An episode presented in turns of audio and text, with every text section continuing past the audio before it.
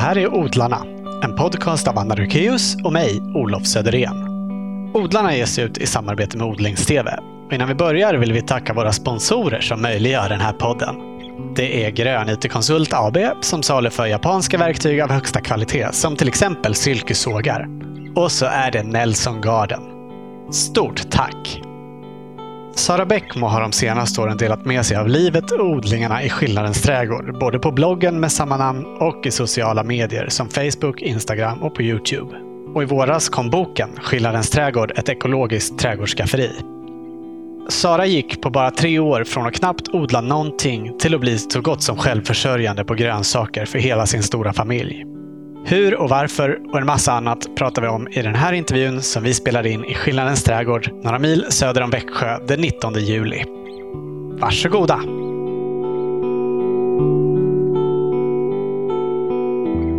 Hur kom det sig att du började odla? Oj, det, framförallt så var det nog eh, en nyfikenhet tror jag. Att jag ville, liksom, jag ville bli en odlare på något sätt. Mm. Jag ville se om jag klarade av att odla grönsaker. Och, och från början var det nog just grönsakerna som var det viktiga, inte själva maten. Utan det var, jag var nyfiken på att se grönsakerna i jorden. Jag var nyfiken på att se liksom, den här trädgården ta form på något sätt med grönsakernas hjälp. Och grönsaker växer snabbt och sådär. Så det var bra. Och då hade jag planerat en, eh, en liten grönsaksträdgård på baksidan av huset som var ja. 20 kvadratmeter stor. Va? Bara så liten. Det är lite mindre än du har ja, idag. Och då skulle jag liksom utforska allt det här där. Ja, Men det var inte på grund av att du ville odla som du hamnade här? Nej, det var huset som jag föll för. Eller ja, ibland så tänker jag att det var huset som föll för mig kanske. Det var någon så kombination, att huset drog in mig till den här platsen. Berätta eh, hur. Ja, men då, var, då jobbade jag på Barnkanalen på SVT och då eh, hade jag rekat upp ett barn. För när man gör barnprogram så är det ju jättemycket tid som går åt till att hitta de där guldkornen som kan leverera det som man behöver ut i eten eller i, i tv. Men det vet ju du som jobbar med barnprogram också. Mm. Och då hade jag hittat ett av de här barnen och hon skulle vara med och recensera några teaterpjäser och böcker och sånt där. Så vi träffade varandra och vi blev like this. Nu korsar jag mina fingrar sådär som man gör. Det var ett jättefint möte. En liten, liten människa, en liten, liten liksom individ, en liten karamell.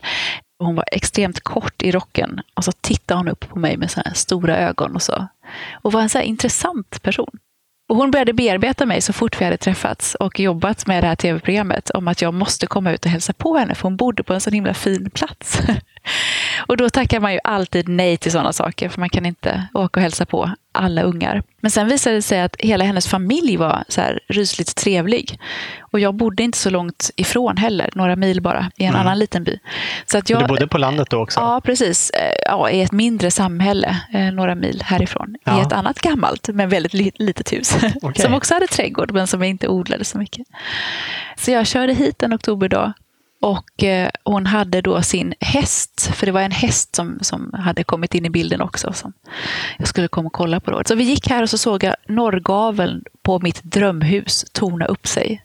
Och det var ett rent skrotupplag i trädgården och allt var igenvuxet och knasigt.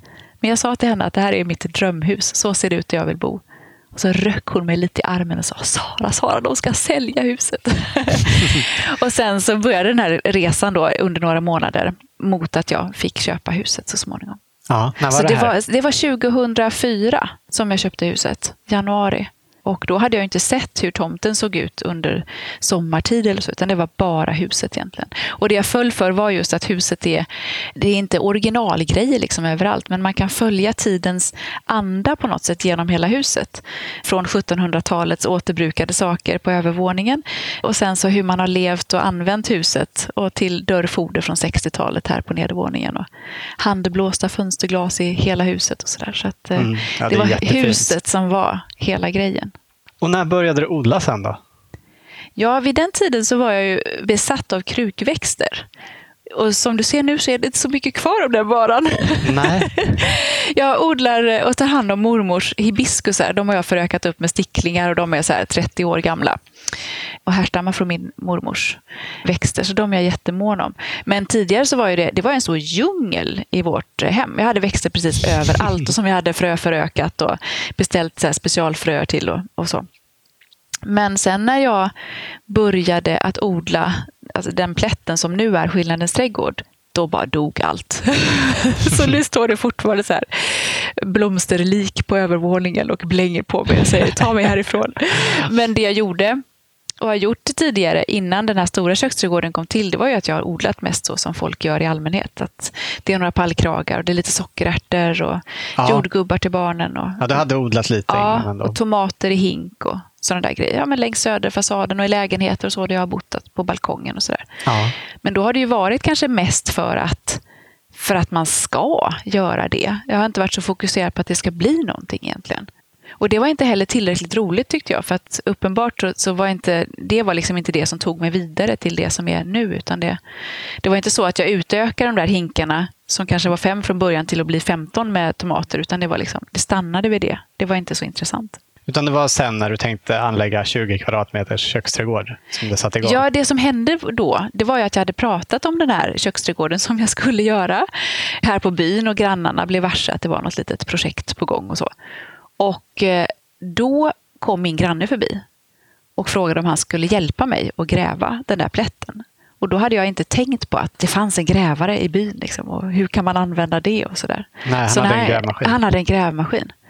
Och eh, det har ju varit min stora, liksom, den här tröskeln. Hur ska jag, hur ska jag göra i köksträdgården? För där nere där var det ju bara så här lårhögt kvickrot och så mycket gamla stubbar eh, överallt från mm. nedsågade träd som en gång har stått här.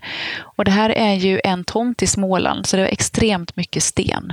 Sten som ligger i dagen och sten i backen och sten som har begravts av gamla mullvadshögar. Och, alltså en ganska ogenomtränglig yta. Så att jag såg att det var väldigt svårt att gräva för hand. Och det var också därför som jag hade tänkt den lilla köksträdgården först. Men när han kom och erbjöd sig, då var det bara okej, gräv där. Ta en fjärdedel av tomten på en gång.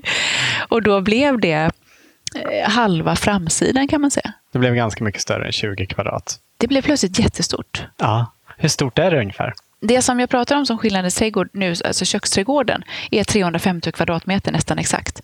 Mm. Och det är det som är frilandsodlingen på framsidan av tomten. Och sen har det ju utökats lite grann. Mm, för det räckte inte riktigt. det räckte inte riktigt och det är så mycket gräsmatta. Vad ska man ha den till och sådär.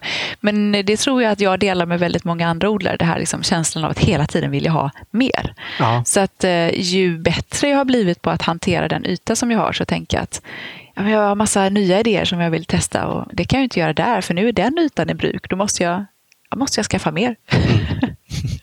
Och när sa du att det var som grannen kom och hjälpte till med grävningen? Ja, det var 2011. Han ja. kom på påskafton.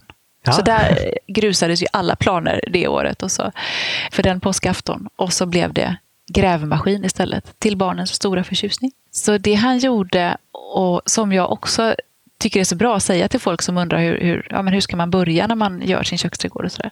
Just att ta den där hjälpen för att skala bort, som han gjorde, hela gräsvålen och allt det där kämpiga, jobbiga, träliga som låg i det där ytlagret. Mm. Det bara mejade han ju bort på nolltid. Komma över tröskeln. Liksom. Ja, och då hade jag den där ytan. Om jag hade bit för bit behövt erövra den ytan så tror jag att jag hade tröttnat. Mm. Men redan första året, det var inte så att vi blev självförsörjande på grönsaker första året, 2011. Men det blev så mycket grönsaker att det gjorde skillnad för hushållet på något sätt. Och att man såg det här att oj, vi kan verkligen använda den här ytan till någonting. Gick det bra med odlingarna på en gång? Ja. Ibland tycker jag det är nästan pinsamt att säga det för att folk letar så mycket efter misslyckanden. Men det gick skitbra och jag var sådär, jag blev störtförälskad i allting som kom upp. Och eh, det enda som jag inte fick upp det var, jag hade någon fröpåse med ockra som jag tror jag hade tänkt att odla som inomhusväxt eller någonting. Ja, men det, det sätter jag, men det kom inte upp någonting. Men annars allting, liksom, purjolök och kolplantor och rubbet kom upp och, och vi åt jättemycket saker. Sen var det ju inte allting med mina ögon mätt idag som kanske blev så lyckat eller så. Men det blev väldigt bra och tillräckligt bra för att jag skulle vilja liksom, ha den där kicken och ta mig vidare. Precis det som den här krukodlingen av tomater och så inte hade gett mig. Men du hade gått en trädgårdsutbildning innan också? Ja, jag fick några år innan jag fyllde 30 så fick jag av min förutseende mor en utbildning på Skillebyholm i Järna en gång per månad under ett år. Så att, eh, det var när vi bodde då i Stockholm under några år, min man och jag, som, som jag gick den där. Och jag tror att det viktigaste som jag fick med mig därifrån det är att det finns svar på nästan alla frågor om trädgård. Om varför växterna beter sig som de gör eller varför det inte lyckas eller hur jag ska göra för att det lyckas och sådär. Om jag bara har modet att fråga. Så att jag måste, jag måste ha en vision, måste veta vad jag själv vill med min odling, om jag nu ska ha en odling. Och sen så är det viktigast att börja och så får jag reda ut de där frågetecknen efterhand. Och precis så gjorde jag sen när jag själv började odla. Jag vet att du gjorde det till ett eh, projekt då när du satte igång. Ja, älskar projekt. hur, hur gick det tillväga? Men när jag stod där med den här stora ytan som hade skalats bort, jag hade beställt jord också, då började det växa förbenat mycket saker och det var ju ogräs som följde med. Och jag förstod att jag ganska snabbt skulle bli mer eller mindre invaderad. Och jag såg också att jag skulle kunna tröttna på att rensa och, och inte få till det helt enkelt. Och då Eh, jag är jätteduktig på att driva projekt och har varit, det har varit liksom en stor grej i mitt yrkesliv också. Att man, man har ett projekt, om det är ett radioprogram eller tv-program och man börjar med det, man genomför det, sen gör man något annat. Mm. Så att jag bestämde mig för att jag skulle Eh, under tre odlingssäsonger bli mer eller mindre självförsörjande på grönsaker för att se om det, om det skulle vara görbart. Så det var 2011, 2012 och 2013. Och då, som den planeringsnörd jag är, så delade jag upp de här tre åren. Så, och bestämde mig för att 2011 så skulle jag liksom anlägga trädgården och skapa odlingsytorna. Så då delade jag upp trädgården och jobbade stenhårt med det. Då hade vi ju Otto som var tre år, eller två år, och Viggo som knappt var ett år. Och så då 38 ton jord och hela det här. Eh, men jag fick ordning på det och sen 2012 bestämde jag mig för att jag skulle ha ett provår. För då väntade vi nästa barn, nämligen. och eh, då insåg jag att jag, jag ville inte ta ut mig utan jag behövde göra det i rimlig takt. Liksom. Ha rimliga förväntningar. Och det där provåret det var faktiskt en väldigt viktig del för att lyckas tror jag. För att då, mm. Jag behövde liksom lära mig hur sakerna såg ut när det stod i landet och vad växterna krävde av mig och hur mycket gödsel eller sådär som de behöver och så. Och bara en sån sak som att man sår ett litet kolfrö och så blir det en enorm planta du vet på drygt en meter i diameter. Det fattar man inte om man inte har odlat själv. Så det året var, det var ett läroår som var jätteviktigt.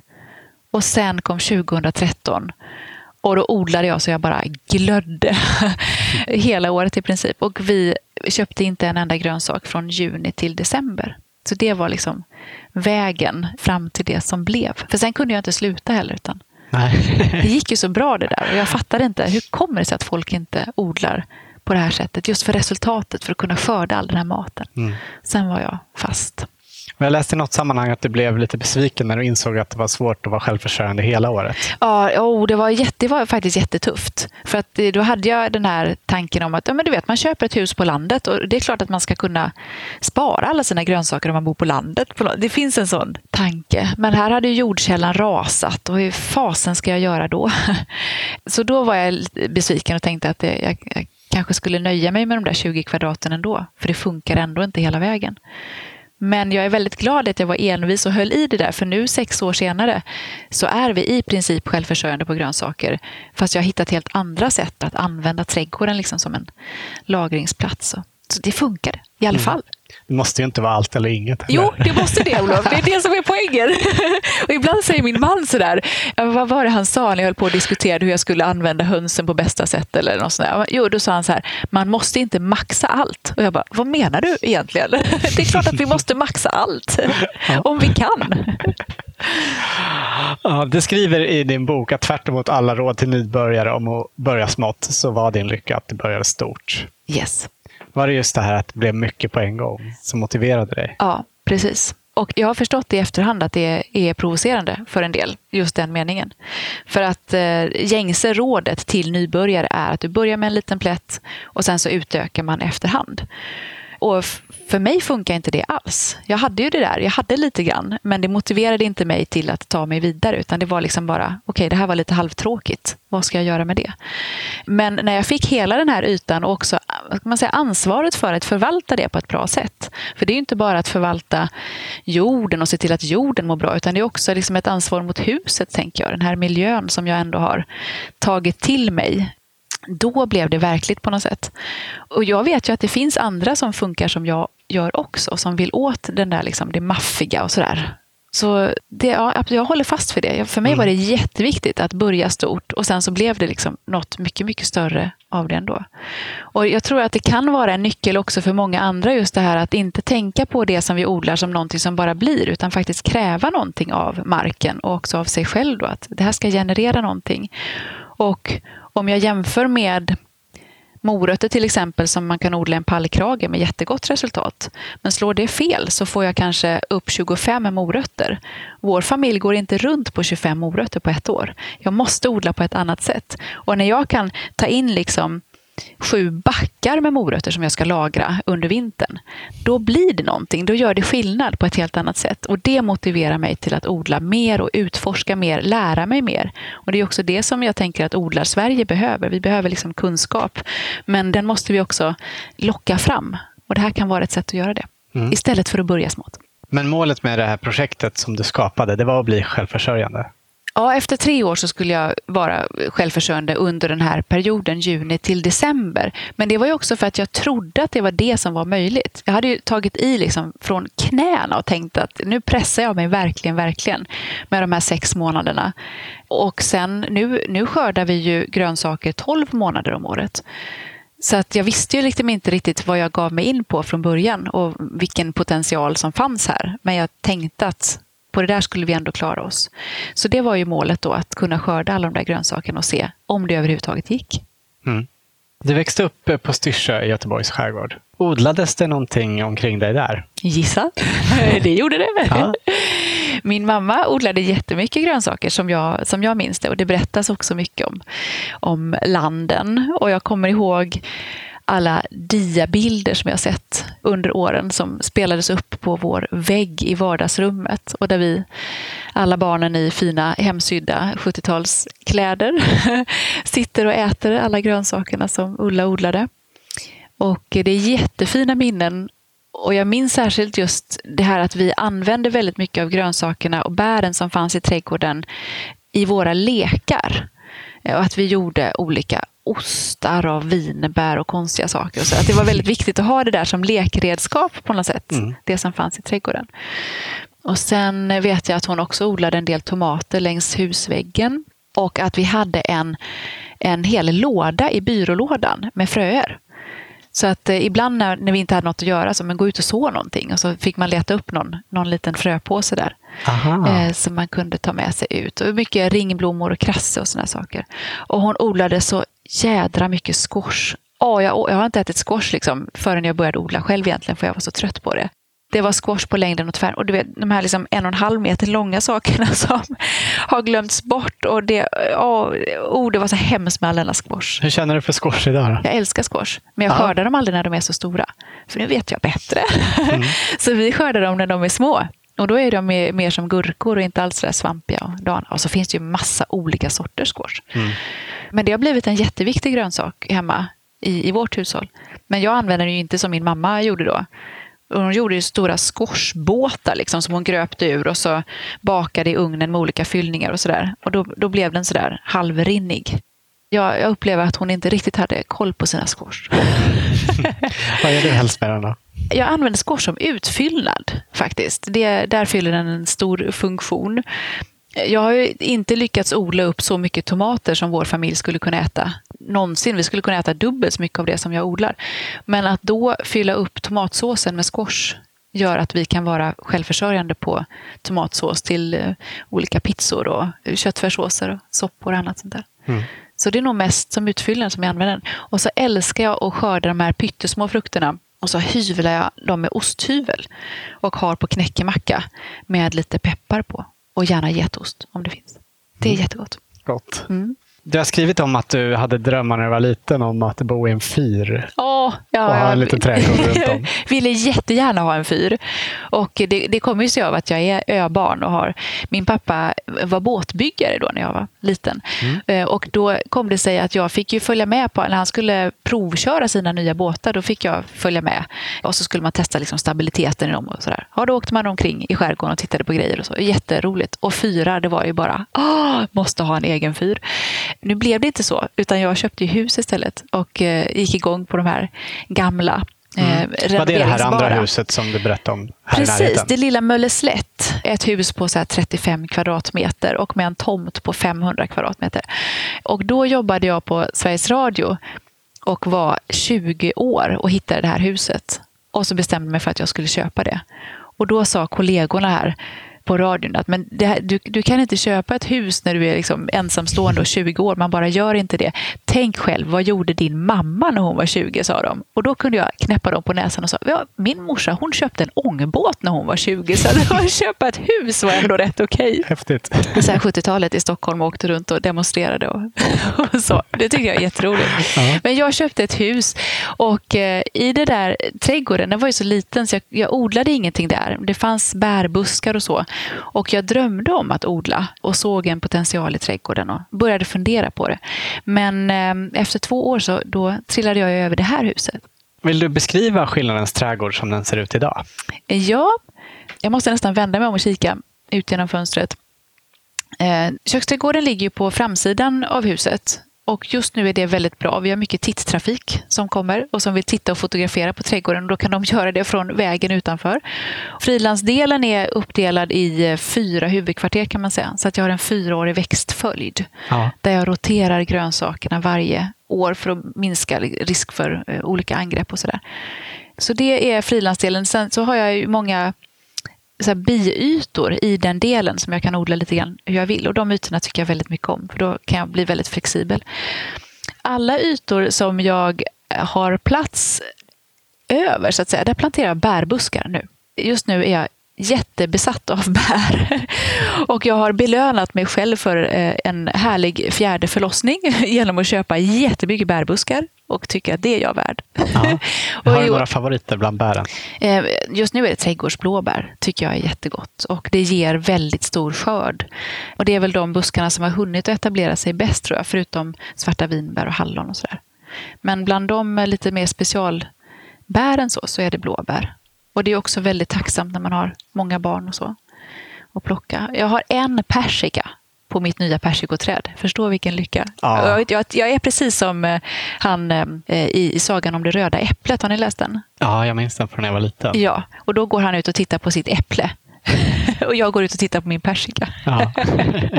Eh, och sen så är ju det är en fjärdedel av trädgården som är frilandsodlingen. Andra delen av framsidan är en begynnande perennodling, en perennträdgård med fruktträd också.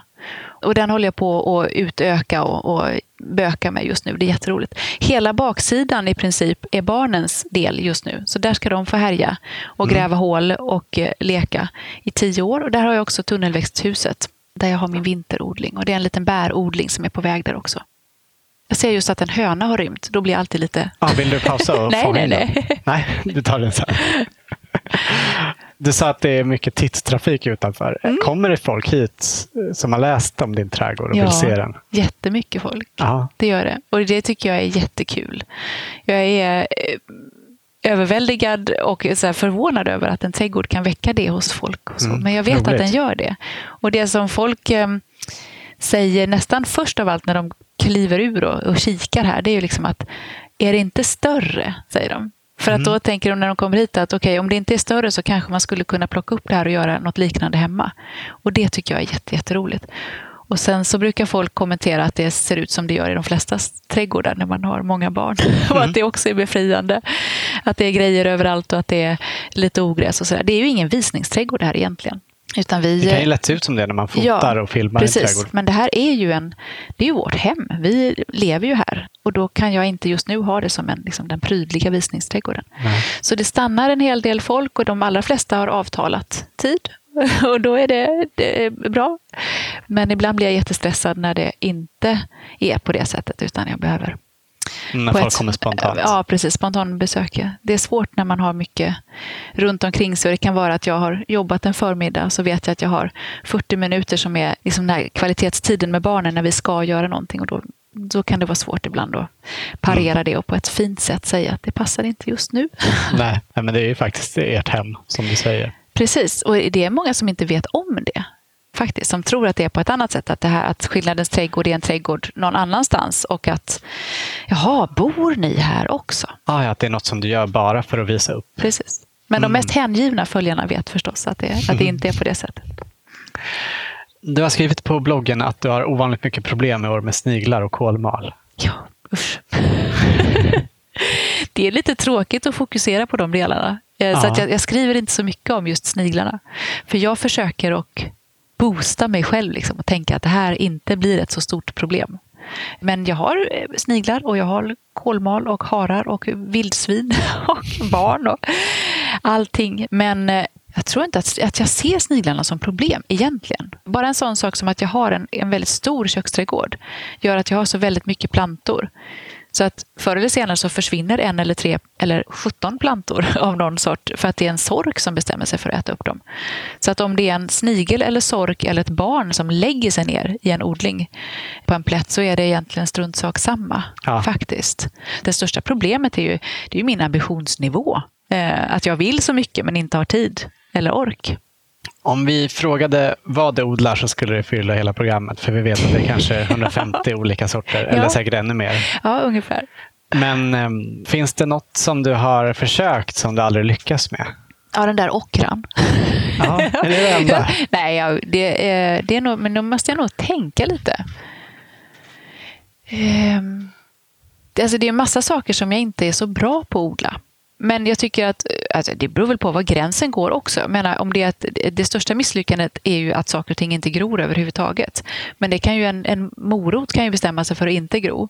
Men jag fortsätter ju att odla den. Men jag tycker att alla de grönsakerna som vi behöver för att hushållet ska gå runt så att säga funkar. Och jag har nog lättare kanske än en annan att inte se de där misslyckandena för jag har alltid någonting som ersätter. Så att om min gula lök skulle slå fel så har jag för det första lök i frysen från förra året.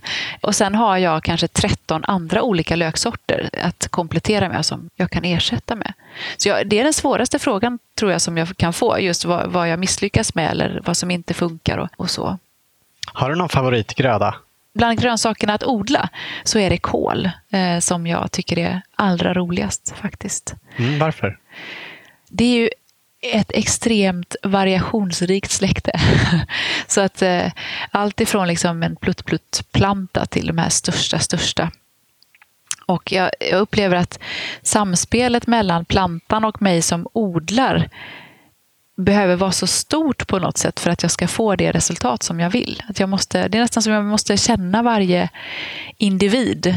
Och att jag vet nu när en del av huvudkålen står ute i landet så vet jag hur angreppen på en speciell planta har varit. Och så måste jag måla den plantan kanske lite extra.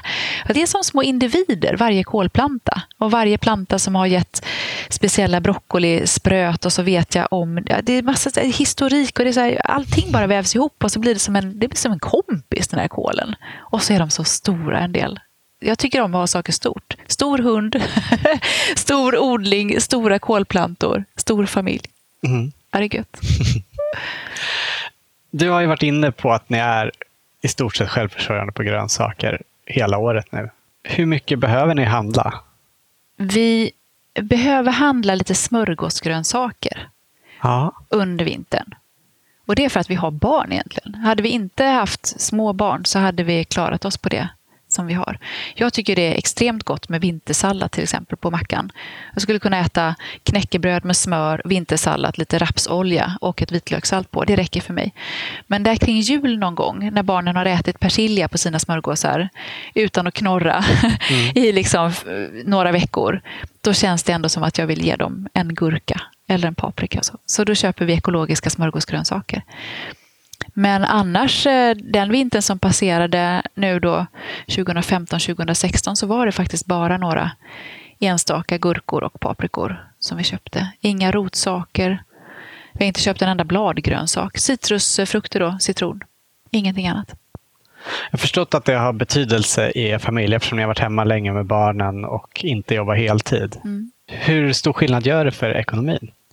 Mycket, mycket mer än vad jag, vad jag trodde från början och vad jag tror att folk i gemen tror. För att ofta när vi pratar om liksom, husbehovsodling och köksträdgård och hemmaodling och sånt där så, så vågar vi inte prata om ekonomin för vi tänker att det, det är liksom en liten fritidssysselsättning och vi gör det i piffiga små byxor. det, ja, men det, är en, det är nytta med nöje-grej.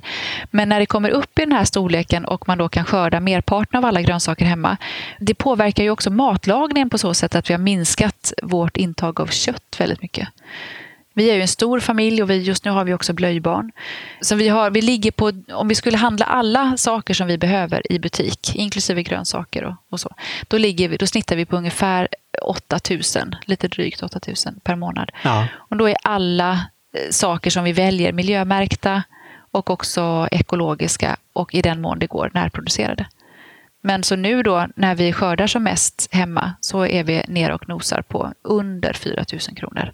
Eh, under de månader som vi skördar som mest. Och sen påverkar det då också matkostnaden under alla andra månader fast inte fullt lika mycket. Ja, men då är blöjor och allt inkluderat i det? Ja, men då är det också. Precis, det är lite kattmat och det är fryspåsar och ja. sådana där saker som inte är, som inte är, mat. som inte är mat heller. Precis. Och om man då tänker att man ska kunna leva livet på landet och gå ner lite i arbetstid kanske och vara hemma med barnen så kan en, en köksträdgård ha väldigt stor betydelse. Och hur mycket arbetstid ungefär lägger ni på köksträdgården? Ja, det, det är jättesvårt att, att uppskatta. Nu säger du ni. Och det är också viktigt att poängtera. Är din man intresserad? Nej, inte intresserad och inte, jobbar inte. Man skulle ju kunna lägga upp det som att okej, okay, för att vi ska ha alla de här fördelarna så behöver vi jobba lite fastän man inte är intresserad. Men vi har valt att inte ha det så, utan det är jag som gör rubbet. Aha. Och jag tycker det är jättekul också att få det blir en yta för mig där jag kan utvecklas eh, och göra saker som jag tycker om, alldeles för mig själv. Så tidsmässigt, jag kan ju jobba ihjäl mig om jag vill, men jag har inte den tiden. Och nu framförallt när vi har eh, en liten bebis i familjen också så har jag ju inte mycket tid alls. Men jag brukar säga att jag generellt sett kanske har en timme om dagen med fysiskt arbete. Som att vara ute och gräva eller plantera och så. Men nu har jag inte ens den tiden och vi köper ändå inte en enda grönsak. Så det går, mm. det går ja, att driva en köksträdgård med ganska lite tid. Men det finns inga planer på att utöka självförsörjningen med att ha kor eller något sånt där? Eh, vi har inte den ytan. Nej. Hade vi haft den ytan, då hade vi nog varit väldigt nyfikna på eh, att göra något mer. Kanske får skulle jag gärna vilja ha. Getter kanske. Eh, men nu närmast till hands är att skaffa ankor. Och då är det ju för sniglarna naturligtvis. Då. Men vi har ju höns och vi har hund och vi har fyra katter och så fyra barn. Så att jag, just nu räcker det. Vi har nog att ta hand om. Mm. Eh, faktiskt. Sen tycker jag att det är en poäng med just den här trädgården eftersom den nu också får ganska mycket publicitet och det är många som följer och vill göra något liknande hemma. Och jag tror att eh, hade jag utökat då med, med djur och allting sånt där, då hade kanske en del av de som är intresserade fallit bort. För många av de som följer Skillnadens trädgård bor i en villaträdgård i ett kanske ett tätbebyggt område. Och då skulle man inte kunna göra alla de här sakerna om Nej, jag det blir utökade. Då. Precis, och det är ju också en nyckel här att okay, det som jag gör här kan många plocka med sig hem och göra i sin egen trädgård oavsett om man bor på landet eller i stan. Och det är jag ganska mån om att behålla det. Mm. Hinner du ta vara på saker från naturen också? Inte så mycket just nu. Nej. Men det är mest för att eh, min man och jag vi jobbar på ett sånt sätt så att vi delar upp dagarna eftersom vi jobbar deltid bägge två så kan vi arbeta en del kvällstid. Men den som då inte arbetar är hemma med barnen. Så vi har i princip aldrig någon tid när vi inte har barnen med oss. Och Nej. då är det ett jätteprojekt att ge sig ut i skogen och plocka när man har en nyfödd och man ska amma och, och sådär. Så då är det mm, mer, såklart. vi var ute i skogen eh, för några dagar sedan och ungarna plockade och åt bär. Och så hade jag en ambition om att jag skulle plocka någonting, men jag kanske sammanlagt hade 30 bär i botten på en emaljmugg.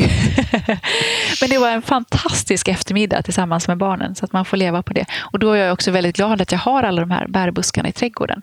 Men då är det ju inte blåbärssylt som jag kan koka just de här åren, utan då är det istället vinbärssylt. Så på det sättet har jag också de här ersättarna när det gäller bären. Ja. Du nämnde att jordkällan har rasat.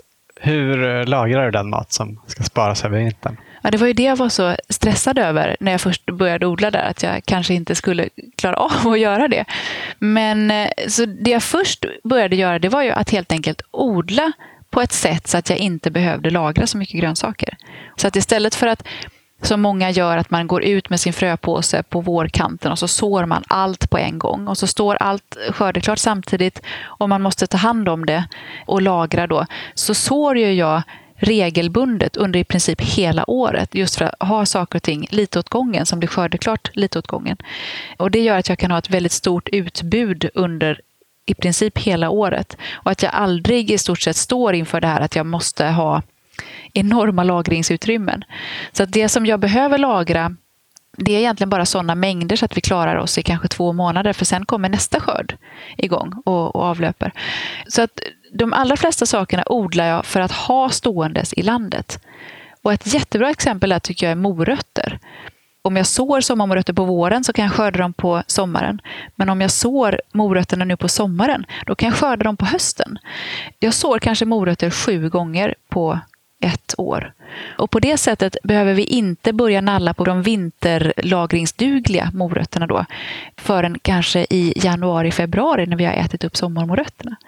Och då odlar jag på ett sådant sätt så att jag har lagom mycket vintermorötter som står kvar i landet under ett tjockt täcke av halm till exempel. Och sen, det är ju en sak till med det här som jag gärna vill nämna, nämligen att vi är ganska bortskämda med att vi ska ha alla grönsaker hela tiden. Mm. Och att vi ska ha morötter under hela året. Men det behöver vi inte ha egentligen. Det är nog den största begränsningen, just det här våra egna vanor som vi bär med oss. Om vi alltid har ätit tomater under hela året, då vill vi gärna fortsätta det. Eller att vi alltid har ätit paprika på smörgåsen. Och så då blir man ju lite så chockad när man plötsligt står i eh, mars, eh, april, maj där på vårkanten och måste äta dill på mackan istället mm. kanske. Det är en vaneperiod. Men där tycker jag att när vi har börjat nosa på ett annat sätt att leva, att äta efter säsong i trädgården och att också odla trädgården på ett sådant sätt så att vi har de grönsaker vi behöver, då blir matlagningen och eh, sättet att äta mycket, mycket mer intressant och varierat under säsong. Jag fick frågan någon gång där det var någon som sa att ja, men avokado, det måste väl vara en sån här grönsak som du eh, antingen köper eller saknar väldigt mycket. Men det har jag inte ens tänkt på att man kan äta avokado vid den här tiden. För då är det så många andra saker i vår egen trädgård som är igång och som vi har längtat efter. Vi åt till exempel sjuåriga Ottos första bondbönor igår. De har vi längtat efter och de var helt superba. De var bättre än någon annan importerad avokado som finns. Mm. Så att vi är väldigt liksom i stunden, här och nu, att vi wow, det här har vi skördat och det här har vi odlat och så. Hur viktigt är ditt matintresse för odlingen? Det är det som styr allting. Mm. Så att eh, maten är det som bestämmer vad vi ska odla. Och där är ju hela familjen faktiskt med i det arbetet. Och det är jätteroligt att fånga upp allas eh, önskemål om grönsakerna, vilka färger de ska ha, vilka former de ska ha.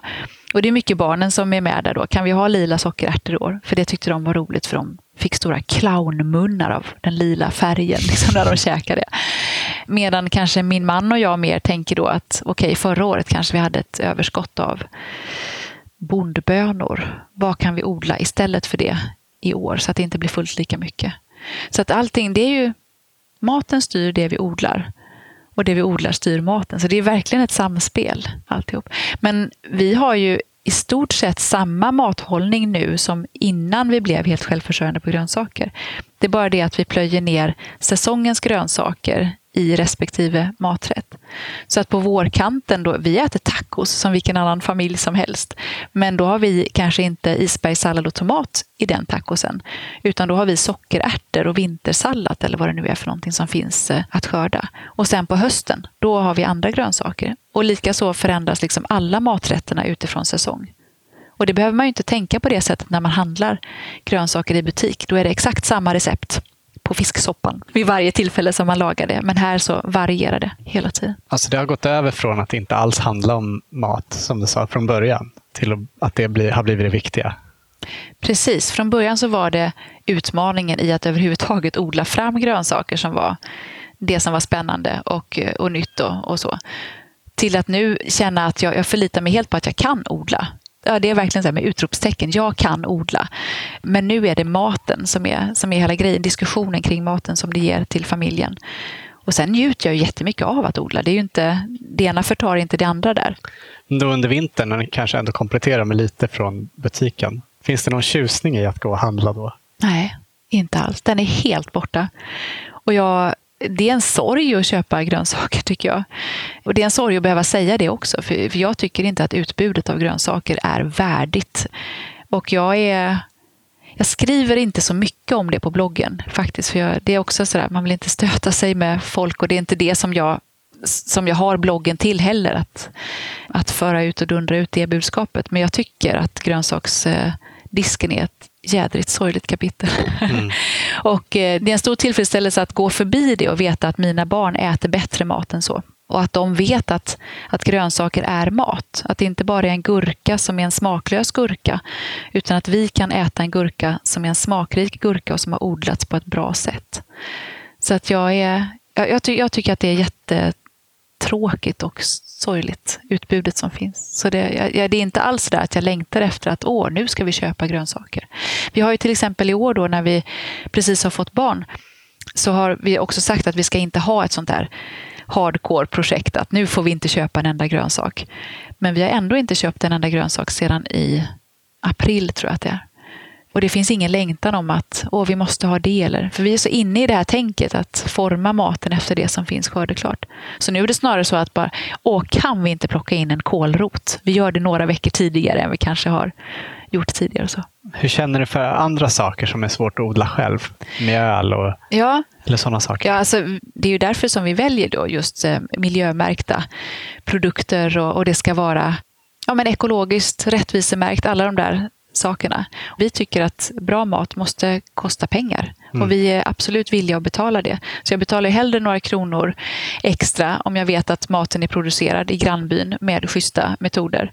Och det är också att peta in några kronor extra i vår by och den välfärd som finns här. Eh, faktiskt. Det är någon liten som vaknar. Hej! Nu fick vi lite sällskap här av Loa som är mm. lite hungrig. Hon behöver lite mat. det här är också en eh, en smask, smask. En sak som jag ser väldigt mycket fram emot med årets odling, just att jag har odlat med tanke på att jag har en bebis som om några månader ska börja äta. Mm. Vad, vad har det blivit extra av då? Eh, blomkål, eh, broccoli, palsternacka, sådana saker som jag ska göra de goda puréerna av. Mm. och det känns jätte, jättefint att, eh, att veta att han ska få äta av de riktigt, riktigt bra sakerna. Vi var ju inne på det här med tiden lite grann. Du odlar massor. Jobbar säkert massor med blogg, skrivande för tidningar. Har gjort en bok och har en bok till på gång. Yes. Och föreläsningar. Ja, det är jättemycket. Ja. Hur hinner du? Ja, jag vet inte riktigt hur jag hinner. Jag tror att jag är bra på att planera min tid. Så. Och sen har ju jag en man som är helt fantastisk och som delar väldigt mycket av... Det är inte att, att han delar, det är att vi gemensamt har en vision om hur vi ska leva och mm. vad som är viktigt. Så vi har ju skalat bort allting som vi för tillfället tycker är oviktigt. Som att göra långa resor som kräver mycket pengar, eh, som gör att vi måste jobba väldigt mycket. Så att allting är vi gör egentligen allting precis så mycket som vi behöver för att kunna ha det liv som vi vill. För att våra barn börjar ju inte heller på förskola förrän de är fyra år, så att det är alltid barn hemma. Och det gör att jag kan inte jobba heltid om dagarna när jag kanske är som skarpast i hjärnan, utan jag måste anpassa mitt sätt att arbeta för att jag ska kunna göra det på kvällen när jag är lite halvmosig mm. efter en dag tillsammans med barnen. Mm. De är fyra stycken mellan fyra barn. 0 och 7 va? Ja, precis. Så det är väldigt intensiva dagar. Men jag, jag, man kan säga att jag gör liksom lite av varje. Det är ju väldigt många ben att stå på med alla de här sakerna som du nämner. Och där är jag väldigt disciplinerad hur jag strukturerar mina dagar och hur jag lägger upp saker och ting för att, för att hinna med. Jag skulle inte vilja ha bara en av de här sakerna och göra det fulltid, utan det, det föder liksom nya projekt och nya tankar och idéer och gör att jag kan vara väldigt kreativ, alla de här sakerna. Lever du på trädgården och de relaterade verksamheterna idag? Yes, nu kan jag leva på trädgården. Och det var inte så det var tänkt från början, att det skulle bli liksom en, som en business, att tjäna pengar eller leva på det så. Utan det var ju, bloggen var ju en eh, fritidssysselsättning eller så, en, en hobby under eh, de första åren. Och sen, eh, sen blev det något annat. Och det är nog också för att jag har, eller det är inte nog, det är för att jag har ett förflutet i mediebranschen och såg eh, möjligheter att kunna leva på det. Mm. Och då blev det så. Blev du själv förvånad över att eh, det blev ett sånt stort intresse kring din trädgård? På ett sätt ja och på ett sätt nej. Jag var förvånad i början. För att allt det här hänger ihop väldigt mycket med sociala medier och jag var så himla grön. Jag var ju superanti alla sociala medier innan 2011. Så att då fattade inte jag riktigt vad som hände när jag började lägga ut eh, grönsaksbilder och folk bara wow, det här är ju jättehäftigt att du odlar på det sättet. Men sen så förstod jag ganska snabbt med min erfarenhet att jag kunde använda det till någonting som jag kunde ha nytta av rent yrkesmässigt. Och sen jag började få nys om det så att säga, då har jag kanske inte varit så förvånad. Du skriver att du ibland har ifrågasatt det du påbörjat men ändå inte backat. Mm. Var har tvivlen legat? Om det är nödvändigt. Alltså de här... Det är ju inte nödvändigt att odla en massa grönsaker egentligen. Jag skulle ju kunna ha en blomsterträdgård bara och nörda in på pioner eller någonting annat och sådär. Så att det är väl mycket det och om det är de första åren kanske jag undrade mycket om det var rätt prioritering att göra det, att stå här och, och plocka alla de här förbenade vinbärna och sen så dessutom lägga annan tid på att koka sylt och sådär. Men nu när jag vet att vi kan vara självförsörjande på sylt till våra barn, den är odlad här hemma i princip och jag har kokat den med all den kärlek som jag vill att de ska ha. Så är det, jag kan, ibland kan jag bli nästan tårögd över liksom den möjligheten att ha gett mig själv det utrymmet i livet, att ge mina barn det. Det är också någonting som jag ger mig själv. Och när jag gör det blir jag också varse faktiskt att min mamma gjorde samma sak när jag var liten. Så här är liksom också generationerna som går hand i hand. Jag har nyligen planterat fyra stora vresrosbuskar för att jag ska kunna göra nyponsoppa till mina barn på samma sätt som min mamma gjorde nyponsoppa till mig. Så det, nu är de tvivlen borta. Jag kan, inte, jag kan inte vara utan en köksträdgård och möjligheten att odla de grönsakerna. För jag odlar lika mycket mig själv under tiden. Mm. Du har skrivit om känslan av att man ska göra allting själv men inte riktigt hinner det. Känns det ofta övermäktigt? Nej. Just det här att, man, att göra allt själv? Nej, nu gör det inte det. För nu har jag ju också lärt mig att det är väl så att jag har lärt mig att det inte är övermäktigt. Att det faktiskt inte spelar någon roll att trädgården just i år är fullständigt överbelamnad med, med ogräs. För att jag ser inte ogräset som ett hot. Eller det är inte en katastrof eller ett misslyckande att det har vuxit upp massa nässlor någonstans. Eller att jag inte har hunnit skörda sockerärtorna. Det finns liksom inga måsten egentligen. Och det tycker jag att jag har blivit ganska bra på under de här åren att glädjas väldigt mycket åt det som är bra. Kanske till och med så mycket så att jag inte ser de där misslyckandena som du frågade efter då. Så jag glömmer bort att jag ibland misslyckas med saker. Jag ser bara att det, det är förbaskat mycket paprika på friland. Hurra! Mm. och så glömmer jag bort att jag ett år misslyckades helt med det. Ja. Har familjen hela tiden varit med på tåget? De har varit så himla bra. Ibland kan jag få dåligt samvete för att trädgården tar ju så mycket inte, det, det, är ett stort utrymme som trädgården tar. Det är inte mycket tid, men det är ett stort utrymme. Eftersom trädgården genererar mat och vi vid varje handling, varje veckohandling, ska gå igenom vad som finns skördeklart och vad vi gör av det. Så ibland kan jag få dåligt samvete och tänka att min man kanske skulle vilja att vi bara äter av att vi äter tacos med tomater när det inte finns tomater. Tänk om barnen vill annorlunda. Men de är så inne i det här. Tänk, hela familjen har bara omfamnat det här. Att det, det, det har blivit vardag för oss. Hur skulle du säga att familjen har påverkats av att ni har trädgården? På jättemånga sätt.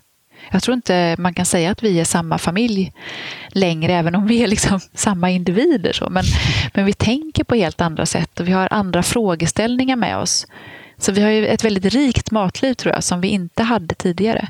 Också att vi hela tiden pratar om maten. Att den är, det är som en annan familjemedlem. när vi lagar maten och när vi äter maten. Ja. Det tycker jag är he helt fantastiskt att ha det på det sättet. Och även om de, när de växer upp eh, och blir, flyttar hemifrån och så, kommer att leva på hamburgare och köpebröd i några år, så är det ändå att de vet att den här möjligheten finns. Och det tänker jag att det är en väldigt viktig sak som jag kan ge barnen. Skulle du någonsin kunna gå tillbaka till att köpa mat? Eller är du liksom fast i det här för livet nu? Jag tror att jag är fast. Men samtidigt är jag inte så där rigid att jag tänker att det är bara det här som gäller. Jag var ju beredd på att till exempel under den här småbarnstiden, nu när vi har en, en nyfödd bebis, att vi kanske skulle behöva köpa några tomatkonserver eller så. Men då lever vi på något sätt på den här vågen som vi har hoppat på. Att vi är så vana vid att ha det på det här sättet nu, att det är kålrotssalladen och vi älskar kålrotssallad. Och det är liksom inte intressant att gå och köpa en paprika och ha på smörgåsen. För vi äter trädgårdsportlack och så har vi kanske tre tomater varje dag som vi kan skörda. Mm. Så att vi är väldigt bra på att plocka upp och njuta av de sakerna som är. Och det är en styrka tänker jag. Och den är jag inte intresserad av att släppa. Men jag är heller inte intresserad av att jobba ihjäl mig och tänka att det skulle vara förbjudet att köpa en, en ekologisk paprika om vi skulle behöva. Vad tror du familjen skulle säga om du tröttnade och slutade odla? Skulle din man börja då istället? Han har faktiskt han har tjuvkikat på Monty Don. det tror man inte. Men eh, och visat liksom ett litet, eh, lite förståelse eller vad man ska säga, för, för genren, för trädgård och, och sådär. Men jag tror att det ligger väldigt långt bort. Jag tror kanske inte det viktigaste är att min familj, om jag skulle tröttna, odlar vidare. Utan då tror jag att det viktigaste kanske är ett avtryck i att vi är extremt måna om vad vi äter. Och att om vi inte kan skaffa den maten här utanför vardagsrumsfönstret, då vet vi att vi behöver fixa det med ungefär samma standard fast på annat håll.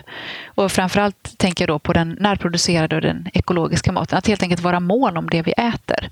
Och det kan man ju vara på många andra sätt, även om man inte odlar maten själv. Ja. Så det, det är nog det spåret som vi skulle välja. Men vi skulle, då skulle vi ändå ha med oss det här att vi äter säsongsbetonat. Det skulle vara helt fel för oss att äta vissa grönsaker mitt i vintern till exempel och också mitt i sommaren, för det finns inte. Kan ni någonsin lämna trädgården? Resa Nej. bort? Nej, det vill jag ju inte heller.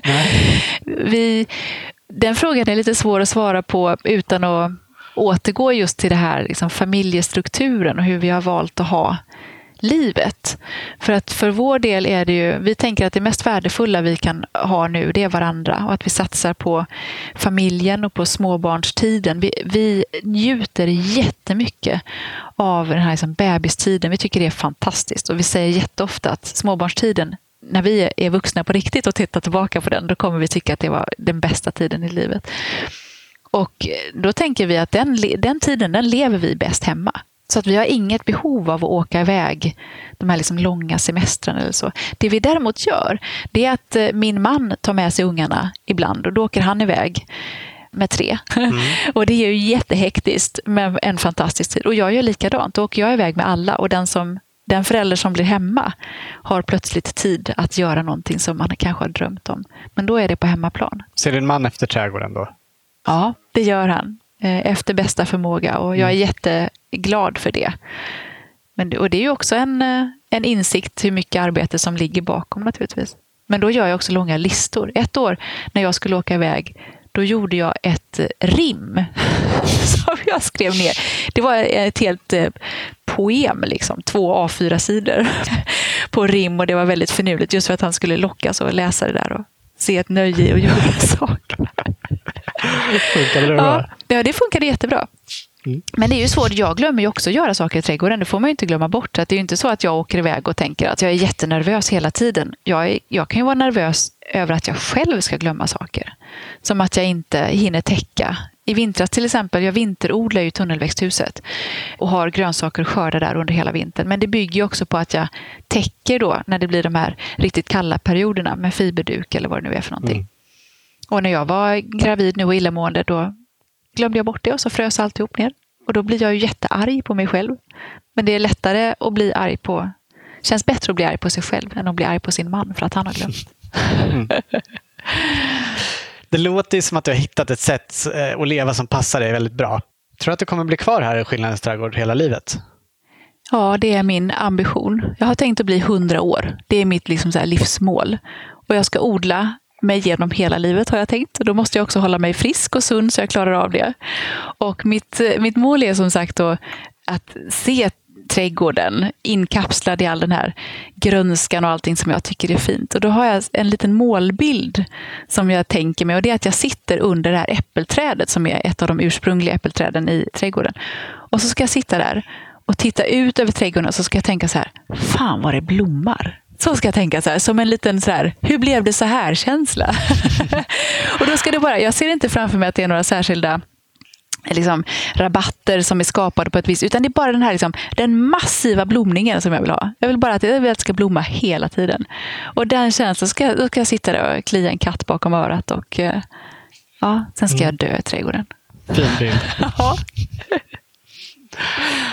Tänk att hitta ett ställe som ändå kan, som kan ge mm. Det. Och få, få en att liksom känna alla de där sakerna. Att, det, ja, livet, att livet är komplett på något sätt när man har den här platsen. Det här barnet som visade dig platsen från början, var hon kvar här i trakten? Erika, hon har sina föräldrar kvar, mm. men hon har gjort, eh, precis som många andra, flyttat och eh, utbildat sig och hon reser jättemycket. Och eh, är ju här naturligtvis ofta och vi är väldigt, väldigt fina vänner. Och det är fantastiskt. Liksom, jag lärde känna det här barnet. Och hon är en vuxen kvinna nu och vi kan mötas som två vuxna kvinnor. Men hela hennes liv, liksom, allt ifrån första förälskelsen och ja, hur kroppen har förändrats. Och, ja, för att vara med på hela den resan. Precis som hon har varit med på min resa bilda familj, erövra det här huset, börja odla. Så vi har liksom följt varandra i olika faser. Och hon var här nu senast för några dagar sedan och eh, hänger med barnen naturligtvis och hjälper mig i trädgården. Mm, har hon trädgårdsintresse? Eh, hon har inte trädgårdsintresse. Men hon har ju sett den här trädgården sedan hon var nyfödd. Det här har varit ödehuset i liksom hela hennes, eh, ja, en, en stor del av, av, barndomen. Och sen så från det att, att vi träffades så blev det något helt annat. Så att hon har ju också följt med på den förvandlingen så att säga och, och tycker, hon betonar alltid det när hon kommer hit att det är fantastiskt hur mycket som har hänt. Och det, och det har det ju. Mm. Är det något mer som du tycker att vi skulle prata om? Jag tänker att den, den som är intresserad av, alltså minsta lilla intresserad av trädgård och som inte har börjat odla än, gör bäst i att börja odla istället för att göra alla de där planerna. Jag tror generellt sett att vi är väldigt duktiga på att göra planer och så gör vi en struktur och vi ritar upp. Så gjorde jag också med den här trädgården och det var därför som det tog så lång tid för mig. Det tog ju flera år där eh, från det att jag hade köpt huset tills det blev en köksträdgård. Men om jag bara hade börjat så hade jag varit ett steg på vägen och ett steg liksom närmare drömmen om att odla. Och Det är en massa erfarenheter som man måste göra. Allt ifrån hur man ska behandla jorden till vilka grönsaker man gillar, vad man tycker om att äta, vad man inte tycker om att titta på i trädgården. Alla sådana här saker. Och Det ger sig bara av att vi blir en erfarenhet rikare. Så att börja odla är liksom det absolut viktigaste. Det är mycket, mycket viktigare än alla planer och alla kunskaper som finns. Så det mm. skulle jag vilja tillägga. Med risk för att det kanske är precis det som du just sa. Vi brukar ju alltid avsluta med att våra medverkande får ge sitt bästa odlingstips. Ah. ja, men då kanske det... Ja. Är det det, eller har ja. du någonting mer? Ja, jag tycker att man ska våga saker och ting. Eh, och våga göra saker och ting på sitt sätt. Om man vill odla spenat, då ska man prova att odla spenat oavsett vilken årstid det är. Och att om jag ska, jo, om jag ska säga ett liksom, tips, tips sådär, så är det just att våga så saker och ting på andra tidpunkter än det står på fröpåsarna. Mm. För att hitta sitt eget sätt att odla. Och spenaten är ett ganska bra exempel, för där står det på fröpåsarna att den här grönsaken sås bäst från april och till juni. Men spenat går att så under en väldigt lång tid på året. Och min spenat blir bäst om jag sår den i januari, februari, när det är fruset ute. Då kan jag skörda i april när alla andra går ut med sin fröpåse och sår första sådderna. Så de, där, eh, de, de många sådderna under hela året ger en väldigt bra, ett bra inflöde av mat. Mm. Så det, det är mitt bästa tips. Bra. Mm. Du, tack så jättemycket för att du tog dig tid för att vi fick komma. Varsågod. Vi har knutit in oss i barnens lekrum. Jag hoppas ni har vi sitter jättebra uppskattat här. miljön.